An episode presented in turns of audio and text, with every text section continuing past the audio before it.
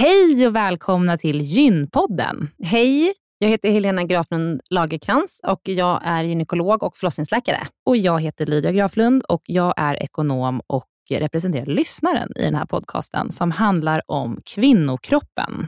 Det är vetenskaplig fakta om kvinnokroppen och det du hör i den här podden är det som man kan höra om man får träffa en läkare eller en barnmorska i ett eh, möte. Men ibland så bjuder vi in gäster som berättar om sina personliga erfarenheter och ibland är det också spekulation, men då är det verkligen tydligt att det är spekulation. Annars är grunden för den här podden vetenskaplig fakta om kvinnokroppen. Så är det. Hoppas att ni vill lyssna. Välkomna. Välkomna.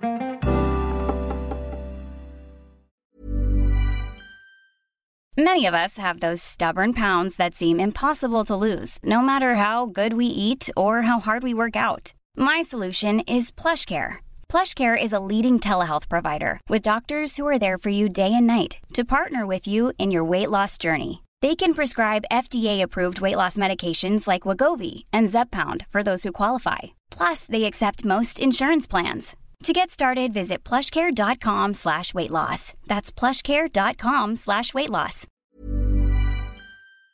Den här veckans avsnitt av Gynpodden är sponsrad av Care. Och Helena, det är ju det bolaget, vårdbolaget, som du och jag har varit med och startat, där vi erbjuder digitala vårdmöten med specialister inom kvinnovård. Precis. Och vi vet att det är väldigt mycket vårdpersonal som lyssnar på Gynpodden, vilket vi är jätteglada för.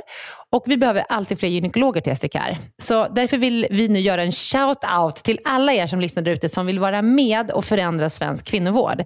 Vi söker specialister inom gynekologi, men också ST-läkare som har kommit en bit in i sin ST och som vill arbeta digitalt eh, med handledning på, hos oss på STKR. Mm. Och precis som det är för våra patienter som kan söka vård hos oss, det vill säga att de kan bo vart som helst i landet eftersom vi är digitala. Om man laddar ner appen och så bokar man ett vårdmöte, så kan ju även läkaren bo vart som helst i landet eller flytta under tiden man jobbar hos oss. Det är ju väldigt, väldigt flexibelt eftersom eh, man jobbar hemifrån.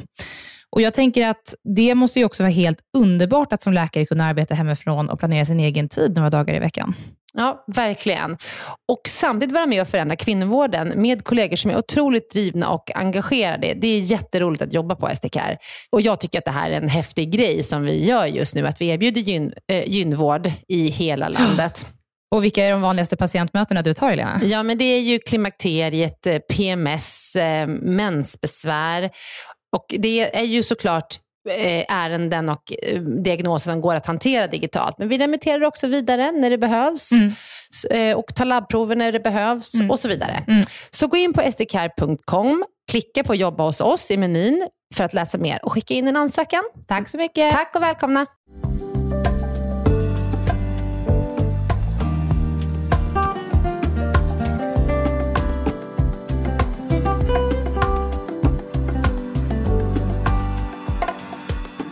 Hej och välkomna till Gympodden svarar. Hej. Hej Helena och Karin Norrbrink som är med oss idag. Hej. Du är barnmorska Karin och jobbar på Ester Care. Precis. Och vi har fått in en fråga om hur man skriver ett bra förlossningsbrev. Ska vi börja med att prata om vad ett förlossningsbrev är? Ett förlossningsbrev eller en födelseplan eller vad man vill kalla det. Det är ett eh, papper egentligen där man svarar på antingen liksom för, förifyllda frågor eh, från den klinik man ska föda på eller om man själv författar en plan över hur man ser sin kommande födsel. Som en målbild. Liksom. Och Jag brukar alltid säga att jag tycker att det viktigaste med födelsebrevet det är att man faktiskt sätter sig ner och skriver det tillsammans med den man tänker ska vara med i rummet. Om det är en partner, eller en doula eller något annat stöd man ska ha med sig. Så att man liksom ger sig själva den, de timmarna eller den timmen det tar att sitta ner och verkligen få svar från varandra. Hur ser du? Vad tänker du? Vad har du för förväntningar? Jaha, vill du ha det här? Liksom. Men vad, vad, mer specifikt brukar man prata om? För att då behöver du veta ganska mycket om en förlossning för att kunna, jag tänker, ha ens en förväntansbild. Ja. Men vid det laget så har man det. N när brukar man skriva Man brukar väl skriva det. Jag tror att vi brukar liksom dela ut det eller påminna paren om det här, eller blivande mammor om det här i någon vecka 25 ungefär. Och det är ungefär samtidigt som man också se till att de har gått en förlossningsförberedande kurs eller föräldrautbildning eller vad det heter. Liksom. Eh, och under de kurserna går man igenom förlossningens faser, smärtlindringsmetoder och sådär. Men det jag tycker är viktigt är att man sätter sig ner tillsammans och verkligen får höra från varandra vad man har för förväntansbild. Men också att man tar sig en funderare på vem man är annars. Alltså när jag, om du befinner dig i en stressad eller pressad situation eller när du har ont eller är hungrig eller annars är liksom lite, inte vet var du ska ta vägen. Vad hjälper dig då? Vilken strategi är bra för dig då? Är du en sån som peppas av massa beröm eller bekräftelse? Skriv det då. Alltså skriv att så här, jag går igång på att få höra att jag gör rätt eller eh, att jag klarar det här mm. eller blir peppad. Är du en sån som vill ha massa beröring? Eller är du en sån som vill bli lämnad helt i fred ska vara Alltså vem är du annars? Det mm. kommer liksom hjälpa dig även under verkarbetet, tänker jag. Helena, har du tagit del av några förlossningsbrev? Ja, absolut. Eh, nästan alla patienter har ju med sig förlossningsbrev till mm. Eh, förlossningen. Och sen så är det väl så att barnmorskorna läser ju alla förlossningsbrev och vi läkare läser ju bara de förlossningar som vi är inne på, så att säga. Så, så hur jag, funkar det? Du kommer in i rummet, mm. eh, då får du förlossningsbrevet direkt, eller? Nej, men man tar emot, om man som barnmorska och undersköterska förlossningsteamet tar emot eh, den födande, eh, då visar man in dem på ett rum, visar var de ska vara, gör de första kontrollerna. Eh, och så är det lite olika på olika kliniker, om man har skickat in sitt brev innan, om man vet att det är där man ska föda, eller om man har med sig pappret fysiskt. Och då lämnar man det och så brukar jag ta med mig det ut och säga, göra allt liksom administrativt, skriva in dem i journalsystemet och sådär. Och då passar jag på att läsa det när jag inte är i rummet. Så att när jag kliver in i rummet nästa gång, då har jag liksom lite av en bild vilken typ av barnmorska jag ska vara, mm. ärligt talat. Alltså mm. jag är ju mig själv, men jag älskar, Stöttar på olika sätt. Då. Ja, jag mm. älskar mm. att ha fått en bild av de här blivande föräldrarna, eller den här blivande föräldern. Att så här, vem, vad vill hon ha av mig? Jag älskar att ha läst innan jag kliver in i rummet. Eh. Ni är fantastiska. Ni låter så service-minded. Mm, ja. Men många patienter frågar ju faktiskt om att Eh, de har du läst mitt förlossningsbrev?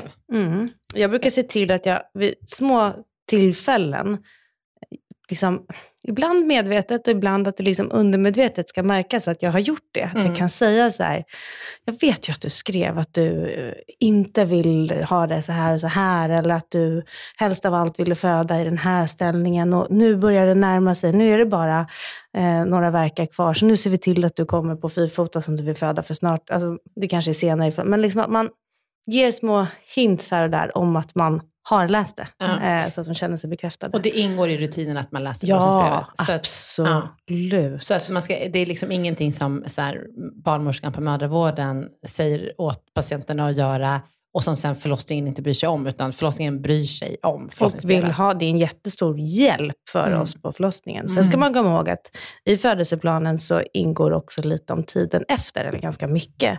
Vill du se moderkakan? Vill du inte det? Hur tänker du om amning? Vad ska, hur ska vi stötta dig i det? Och sådär. Så att det är även tiden efter på BB, mm. eh, så man tar hänsyn till det. Fint. Ja. Så ta er tid och fundera kring förlossningsbrevet och vad som är viktigt för dig och för din partner. Och eh, vi läser det på förlossningen. Absolut. Absolut. Ja. Vi ser fram emot att läsa det. Ja, till och med det. Ja. Tack Karin. Tack snälla Karin. Tack. Och Helena, ska vi prata om eh, vad vi släpper för avsnitt nästa vecka? Ja, jätteroligt, spännande och bra samtal med eh, bland annat journalisten och aktivisten Alexandra Pascalido. Ja. Hon har mycket att säga. Hon har mycket att säga och vi hade väl tänkt från början när vi bjöd in henne att vi skulle podda mycket om vad som händer i Iran nu, för hon är ju ordförande för UN Women i Sverige.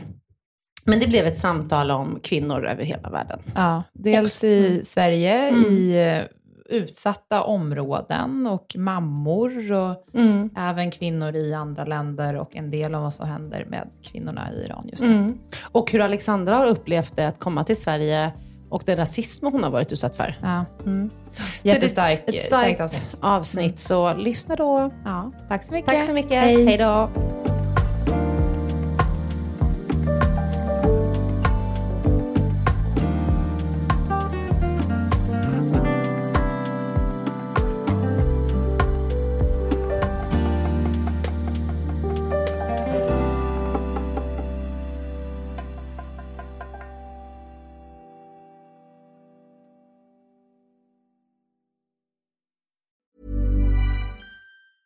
Hey, it's Danny Pellegrino from Everything Iconic.